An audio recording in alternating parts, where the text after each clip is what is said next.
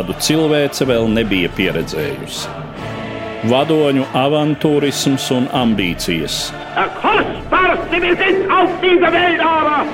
Valsts vīru neizlēmība un ilūzijas. Arvien jaunas valstis ievilktas kara virpulī. United States of America was suddenly and deliberately attacked. Nežēlīgi malti cilvēku un tautu likteņi. Lai dzīvo darba tautas draugs un ģeniālais vadonis biedrs Stalins! Otrais pasaules karš sarunās ar Eduardu Liniņu raidījumu ciklā Satumsums.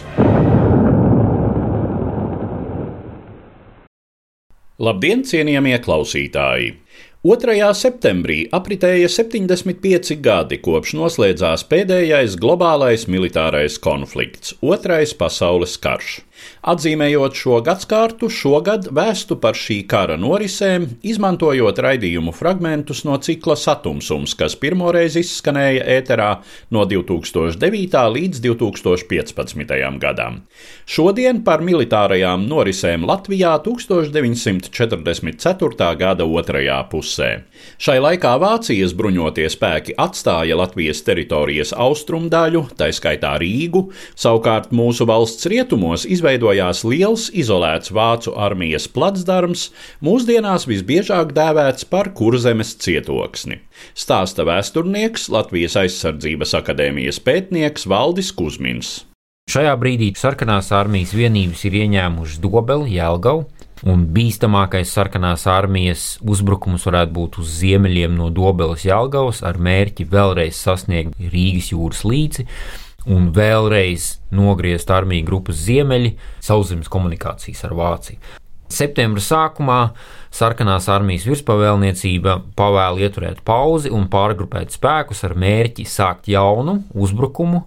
Mērķis bija ar koncentriskiem uzbrukumiem, trīs Baltijas frontes. Ja mēs skatāmies no ziemeļiem uz dienvidiem, tā būtu trešā Baltijas fronte no Valkas, Valgas rajona virzienā uz Rīgu otrā Baltijas fronte no ērgļiem virzienā uz Rīgu un pirmā Baltijas fronte no Bauskas virzienā uz Rīgu.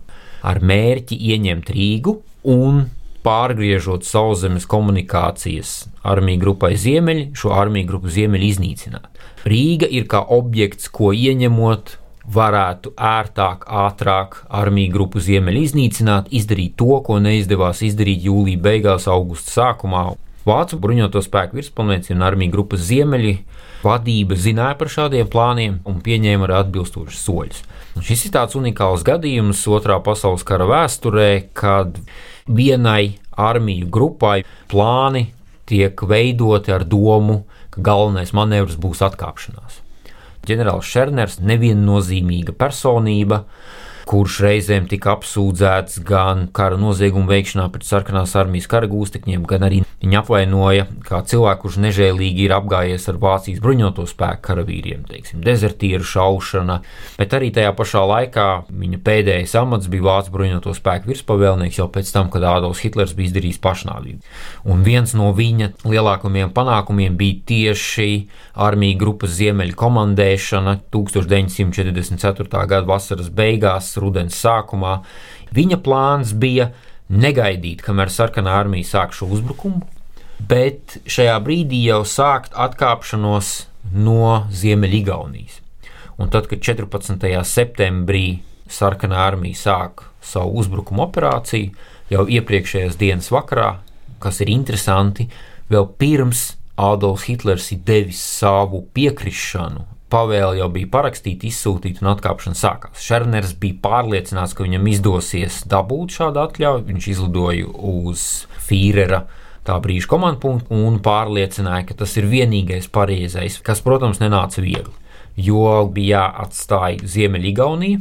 Tas bija diezgan smags trieciens ne tikai sauszemes spēkiem, bet daudz smagāks trieciens tas bija Vācijas jūras spēkiem. Jo tiktu atstāts ļoti izdevīgas pozīcijas starp Somijas piekrastes ziemeļos un Igaunijas piekrastes dienvidos, kur šaurākajā vietā viņi bija ne tikai izbūvējuši mīnu laukus, kas neļāva sarkanās flotes zemūdenēm un kuģiem izkļūt no Somijas jūras līča, bet viņi bija vienkārši uzbūvējuši milzīgu metāla žogu. Protams, būtiski ietekmēja arī jautājums par Somijas līdzdalību Otrajā pasaules karā. Bija aizdomas, ka Somija šajā brīdī vairs neturpinās kara darbību kopā ar Vācijas bruņotajiem spēkiem, līdz ar to šis zaudējums būtu noticis šākātā. Manevra būtība bija sekojoša, ka 18. armija, kas atrodas Igaunijas ziemeļdaļā, ka viņai jāatkāpjas gar Rīgas jūras līča piekrasti caur Rīgu, tālāk uz Kurzemi. Sākotnējais plāns paredzēja atkāpšanos līdz tā saucamajai Siguldas aizsardzības līnijai. 50 km radiusā no Rīgas, sākot no Rīgas jūras līča, cauri Siguldai un līdz Daugavas upē. Viena no karaspēka vienībām, kas bija iesaistīta Siguldas pozīcijas noturēšanā, protams, bija arī 19. Latvijas divīzija, kura vairākas dienas atvairīja mēģinājumus šo Siguldas aizstāvēšanās pozīciju pāraut. Tātad Moras kaujas notiek septembra beigās. Šeit gan ir ļoti daudz tādu mītu par Moras kauju nozīmi Otrā pasaules kara vēsturē un arī Latvijas aizsardzībā vai Rīgas aizsardzībā. Sarkanās armijas vienības, kas uzbruka 27., 28., 29. un, varētu teikt, arī 30. septembrī, tas nebija plānots koncentrisks uzbrukums. Tas, ka Baltijas uzbrukuma operācija ir izgāzusies, kļūst skaidrs jau 20. datumu sākumā. Vācijas bruņoto spēku vienību atkāpšanos sarkanā armija konstatēja, bet nekādīgi nevarēja ierobežot. Lielākie panākumi bija Bauskas sektorā, kur uzbruka Pirmā Baltijas fronte, izdevās ieņemt Baldoni, pat sasniegt Daugovu, bet no Ziemeļgaunijas atbraukušās rezerves tanku vienības, ieroči SS tanku 11. divīzija Nordlanda, tajā skaitā pie Baldonas, šo uzbrukumu apturēja. Un 25. septembrī tika pieņemts principiāls lēmums. Mēs ļoti bieži šajā sarunā esam runājuši par sarkanās armijas plāniem, kas neizdodas, kas izgāžās par briesmīgiem zaudējumiem, par mēģinājumiem pēc tam vēstures grāmatās šos zaudējumus vai nesekmīgās operācijas slēpt. Šis 25. septembra lēmums ir viens no tiem unikālajiem gadījumiem, kad sarkanai armijai izdodas ļoti sekmīga uzbrukuma operācija. Un 25. septembrī pieņemtais lēmums bija sekojošs, ka Baltijas frontē ir jāuzbruk nevis no Bauskas virzienā uz ziemeļiem un Rīgu un jāmēģina šī Rīga nesekmīgi ieņemt, bet jāpagriežās 90 grādu leņķī uz rietumiem, jāpārgrupējās uz Lietuvas teritoriju un jāuzbruk Klaipēdas, kur toreiz pazina nosaukumu Mēmele. Līdz ar to Lēmums, ka Rīgu mēs ātri neieņemsim, jau bija pieņemts, un uzbrukumu, kurus veids otrā Baltijas fronte un trešā Baltijas fronte septembra beigās, arī pret Siguldas nocietinājumu līniju bija nekas vairāk kā sekošana pretiniekam, kurš atkāpjas. Un kā ir rakstīts padomju arī pēckaujas ziņojumos, sarkanās armijas vadība nebija ne mazākās nojausmas, kur atrodas Vācu bruņoto spēku aizsardzības līnijas un kādi ir Vācu bruņoto spēku plāni. Vienīgais veids, kā to noskaidrot, ir tas, ko krievu valodā sauc par zviedka bojam. Izlūkošana ar kauju, izdarīt spiedienu uz šo pretinieku. Nu, un, ja viņš atkāpsies, tad atkāpsies, ja neatkāpsies, tad mēs turpināsim izlūkot ar kauju, ciešot zaudējumus un šādā veidā primitīvi mēģinot noskaidrot pretinieka nodomu. Un Moris kaujas pēc būtības bija izlūkošana ar kauju. Un īstenībā sarkanās armijas vadība neticēja, ka Siguldas aizstāvēšanas līnija ir nevis vienkārši kārtējā apstāšanās uz nakti, bet ka šeit ir nolēmts aizstāvēties izšķiroši. Tāpēc arī kaujas bija salīdzinoši intensīvas, ar diezgan lieliem zaudējumiem abās pusēs, un Siguldas aizstāvības pozīcija arī noturās. Bet viņi nekādā gadījumā nevar saukt par izšķirošo uzbrukumu Rīgai, pirmās Baltijas frontes uzbrukums Mēnesis virzienā bija viens no sekmīgākajiem. Izdevās beidzot vāciešus pārsteigt. Pārgrupēšanās no Bauskas apkārtnes uz šauļu apkārtni bija ļoti ātra un bija fantastiski meistarīgi veikta. Viņiem nācās kustēties pretējā virzienā tam, kā viņi bija kustējušies līdz šim. Kas parasti jebkuros bruņotajos spēkos, jebkurās armijās ir ļoti liels galvas sāpes, jo kaujas vienībām ir jākustās pa tiem ceļiem, kas ir pārpildīts ar aizmugures vienībām, kuras nu pat, nu pat gatavojās šīs uzbrukošās vienības atbalstīt, papildināt, tur ir noliktavas krājumi, vēl kaut kas. Tas bija jādara naktīs, ievērojot radio klusēšanu. Un brīdī, kad viņi sāka uzbrukumu virzienā uz mēmeli, pārsvars bija pat grūti matemātiski izteikt. Tur bija 20 pret 1 un 30 pret 1. Pārgrupēšanās bija veikta tik meistarīgi, ka vācieši nespēja norēģēt. 5. oktobra rītā operācija Baltika sākās, 4. oktobra vakarā Šerners izdod pavēli sākt nākamo atkāpšanās kustību, kuras mērķis bija atstāt Siguldas aizsardzības pozīcijas, pamest Rīgu un atkāpties līdz Tukumam, izbrīvēt šīs divīzijas, jo bija skaidrs, ka ir paredzams uzbrukums Lietuvas ziemeļdaļā, bet tas nāca par vēlu. 10. oktobrī sarkanās armijas tanki sasniedza jūru, un, protams, šeit ir leģendārais stāsts, ka ziņojuma vietā tika izsūtīta pudele ar sāļo jūras ūdeni, līdzīgi kā tas tika darīts jūlijā beigās pie Klapkalna ciema, uz ziemeļiem no Mēneles tika izdarīts tas pats. Tad lēmums atstāt Rīgu varētu teikt, tika pieņemts 4. oktobrī. Evakuācija bija nu, ļoti virspusēja un drīzāk to varētu saukt par improvizāciju. Rūpnīcu evakuācijai šajā brīdī nepietika nekādu līdzekļu. Tie darba galdi, kas katrs varēja svērt vairākas tonnas, viņiem nebija nekādas iespējas evakuēt. Lielākoties ar ko aprobežojās, Andreja ostas elektrostacija tika uzspridzināta. Tika uzspridzināta arī unikālā Latvijas laikā būvētā elektrostacija pie Bābelītes ezera. Tika uzspridzināta piekraste, ostas teritorija, lai ierobežotu Rīgas ostas izmantošanu. Kas ir interesanti, dzelzceļš nespridzināja, jo vācieši bija izgudrojuši vienkāršu un fantastiski ģeniālu līdzekli dzelzceļa iznīcināšanai, kas bija pat efektīvāks nekā spridzināšana. Tas bija tā saucamais arklis, kad aiz divām lokomotīvēm tika piestiprināts burtiski metāla arklis, kas vienkārši saplosīja dzelzceļa koka gulšņus.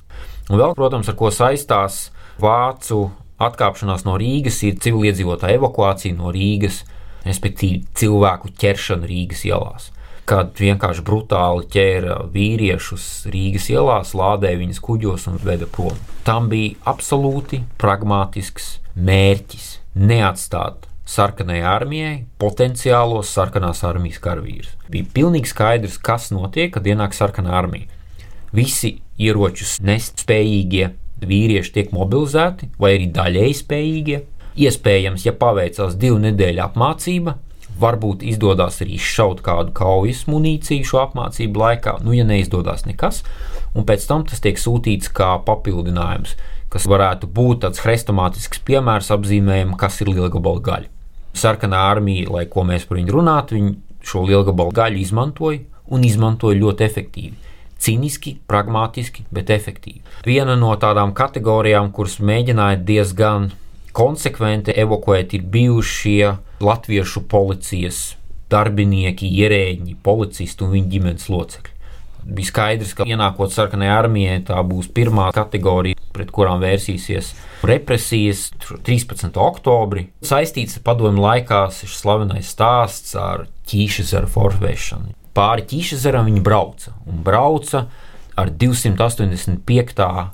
Osnaz, jeb Sobonas Nečēņie bataljona amfībijām. Tās bija ASV ražotas amfībijas. Tā bija tāda sevišķa vienība, kuru bija paredzēts izmantot tieši šādām operācijām. Piedalījās kopā astoņas kājnieku rotas, katrā plus mīnus 60-70 cilvēki. Tie tie, kas cēlās pāri. Ne visi cēlās ar amfībijām, cēlās pāri izmantojot arī zvejnieku laivas no Gaujas grīvas, arī dažādas lielas baržas.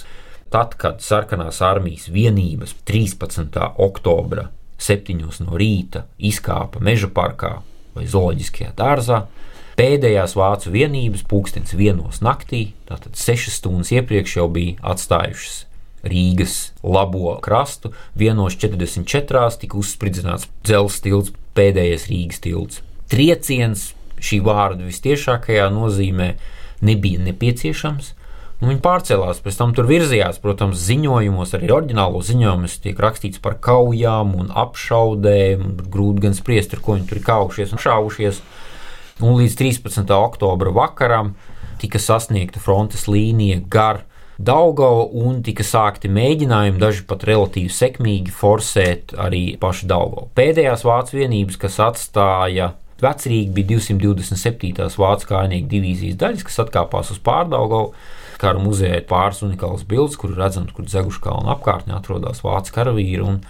Zeguškalns, Ilģu ciems un no šī rajona mēģina arī atvairīt sarkanās armijas daļu vienību forsēšanas mēģinājumus, kas lielākoties bija neveiksmīgi. Turpinājās sīvas cīņas līdz 15. oktobra vakaram, kad vācieši atkāpās jau no jūrmālas, jau tālāk uz slokas, valguma ezera, džūkstes, lestenes apkārtni, kur pēc tam jau notika niknās kaujas 44. gada beigās. Kara darbība Kurzemes frontē 1944. gada pēdējos mēnešos un 1945. gadā pazīstama ar apzīmējumu Kurzemes lielkaujas. Turpina Valdis Kusmins. 10. oktobrī 1944. gadā tika pārtraukta jebkura sauszemes satiksme starp armiju grupu Ziemeļ un pārējo Vācijas daļu. No šī brīža arī mēs varam sākt runāt par šo kurzemes armijas grupējumu, kur oficiāli par armiju grupu kurzem nosauc tikai vēlāk, 1945. gada 25. janvārī, kad kļūst skaidrs, ka armija grupa Ziemeļi vairs galīgi neatbilst savam nosaukumam. Jau no paša sākuma Vācijas vadība plāno izlaušanās mēģinājums pa sauszemi, uzbrukumu virzienā uz Austrumprūsiju, bet nu, šie plāni ātri tiek atlikti, jo problēmas bija visās frontēs un nekādi spēki uzbrukuma īstenošanai vairs nebija. Kāpēc vispār Adolfs Hitlers, Vācijas bruņoto spēku virspavēlnieks, piekrita kurzem atstāt tādu, kā ir. Un šeit ir trīs, četras versijas. Viena no tām ir, ka Hitleram bija nepieciešama Baltijas jūra, kur varētu Vācijas kara flote īstenot savu pārbruņošanās programmu, apmācīt jaunos 21. tipa zemūdeņa apkalpes. Līdz ar to kurzem bija nepieciešama kā šāds aizsarga postenis, kas nepieļautu sarkanās kara flotes ielaušanos Baltijas jūrā, Dancigas līcī, kur arī galvenā apmācība šeit notika. Manuprāt, visreālākā ir Bundesvēra militārā vēsturnieka Karla Heinz Frīsnera izvirzītā teorija, ka Hitlers uzskatīja, ka karu nevar uzvarēt tikai turoties sabiedrotie pieprasīja bezieru un kapitulāciju, līdz ar to nebija ko gaidīt.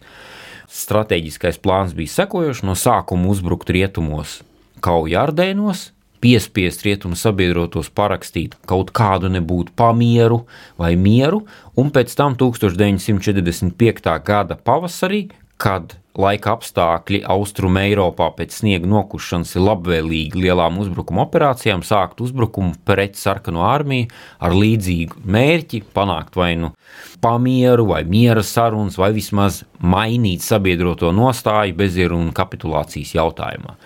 Līdz ar to Vērmachta austrumfrontes spējīgākās armijas vienības, kas atradās armiju grupā Ziemeļi, tika saglabātas Latvijas teritorijā, kurzemē, ar tādu mērķi sagaidīt labākus laikus, kad viņas varēs izmantot uzbrukumam dienvidu austrumu virzienā. Un pēc tam būtu uzbrukums savukārt no austrumprūsijas ziemeļa austrumu virzienā. Tas, protams, nebūtu Barbarosas mēroga uzbrukums un pat ne Kurskas kaujas citadeles mēroga uzbrukums, bet tā vismaz būtu aktīva darbība. Un tas izskaidro, kādēļ, piemēram, armija grupā Kurzeme 1945. gada pavasarī bija vairāk kaujas spējīgu tanku un triecienu lielgabalu un citu bruņmašīnu nekā, piemēram, visā rietumu frontē kopā ņemot. Šis lielais plāns tiek atmests 25. janvārī, kad kļūst skaidrs, ka nekāda liela uzbrukuma nebūs. Frontes līnija tuvojās Berlīnai, un, ja arī būs pretuzbrukumi, tad tie noteikti vairs nebūs no kurzemes, jo Austrumprūsija jau ir zaudēta. Pēc tam, sākot no janvāra beigām, ir skaidrs, ka kurzem kaut kādā veidā ir jāevakuē. Un līdz ar to arī tā sauktās sešas lielkaujas, un praktiski septītā lielkauja jau sākās, bet nepaspēja ieiet savā asiņainajā fāzē, jo septītās lielkaujas sākums varētu būt 7. maija. Karš beidzās vēl pirms šīs septītā lielkauja sākās, lai gan gatavošanās no abām pusēm notika ļoti, ļoti intensīvi. Padomju puses skatījums ir principiāli savādāks, jo padomju puse nekad nelietoja šo terminu liekaujas. No padomju puses mums ir jāsadala divi principiāli atšķirīgi posmi, sākot no 10. oktobra līdz apmēram 25. novembrim 44. gada. Sarkanās armijas plāni bija nepārprotami iznīcināt armiju grupu Ziemeļi kurzemē. Mēnesis uzbrukuma operācija bija tik sekmīga un Baltijas jūras sasniegšana 10. oktobrī bija tāds pārsteigums, ka viņi uzskatīja, ka viss mums ir tikai nedaudz, nedaudz jāuzspiež, un mēs iegūsim 400 tūkstošu kara gūstekņu vismaz un sagrausim šo armiju grupu ziemeļi. Un sākot no 10. oktobra, 16. oktobris, 27. oktobris, pēc tam 19. novembris līdz 25. novembrim ir šie mēģinājumi ar ļoti striktām pavēlēm 1. un 2. Baltijas frontēm uzbrukt uzbrukt, un Krievu lielajās direktīvās ir rakstīts attīrīt kurzemes piekrasti no Liepājas līdz Rīgai. Un šis posms, apmēram pusotrs mēnesis, ir arī vissmagāko kauju posms. Ja mēs novākam tādu līniju no Škodas, Lietuvā līdz apmēram Ezerei, šādā puslokā, nu, tie būtu nepilni 100 km, kur sarkanā armija sakoncentrē fantastiskus spēkus. Tur bija 5. gvardas tanku armija, 6. gvardas armija, 61. 4. trieciena armija, 51. armija. Spēku koncentrācija šajā sektorā nav gluži Berlīnas operācijas līmenis, bet jau ir salīdzināms artērijas, tanku ziņā. Tas mērķis bija uzbrukt virzienā no Priekulas, tālāk uz Durbi un sasniegt Baltijas jūras ziemeļos no Liepājas, un pēc tam virzoties gar Baltijas jūras piekrastu virzienā uz Vēnspili, pilnībā iznīcināt visu armiju grupu kurzem.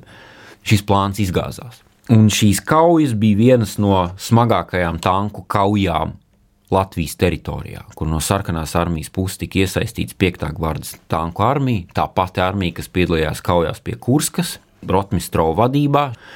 No vācu puses arī tika iesaistīts tanku divīzijas, tajā skaitā arī smagie tanki Tīģeris 44. gadā, novembra vidū netālu no Nīgrandes, Mazdzeldas, Lielzeldas apdzīvotas vietas, kas mūsdienās praktiski vairs neeksistē, kā reiz pateicoties, ja diemžēl kara darbībai, kas notika šeit. Un uzbrukumi turpinās, turpinās, turpinās līdz 25. novembrim, kad ir skaidrs, ka panākumus šeit gūt ātri nevarēs.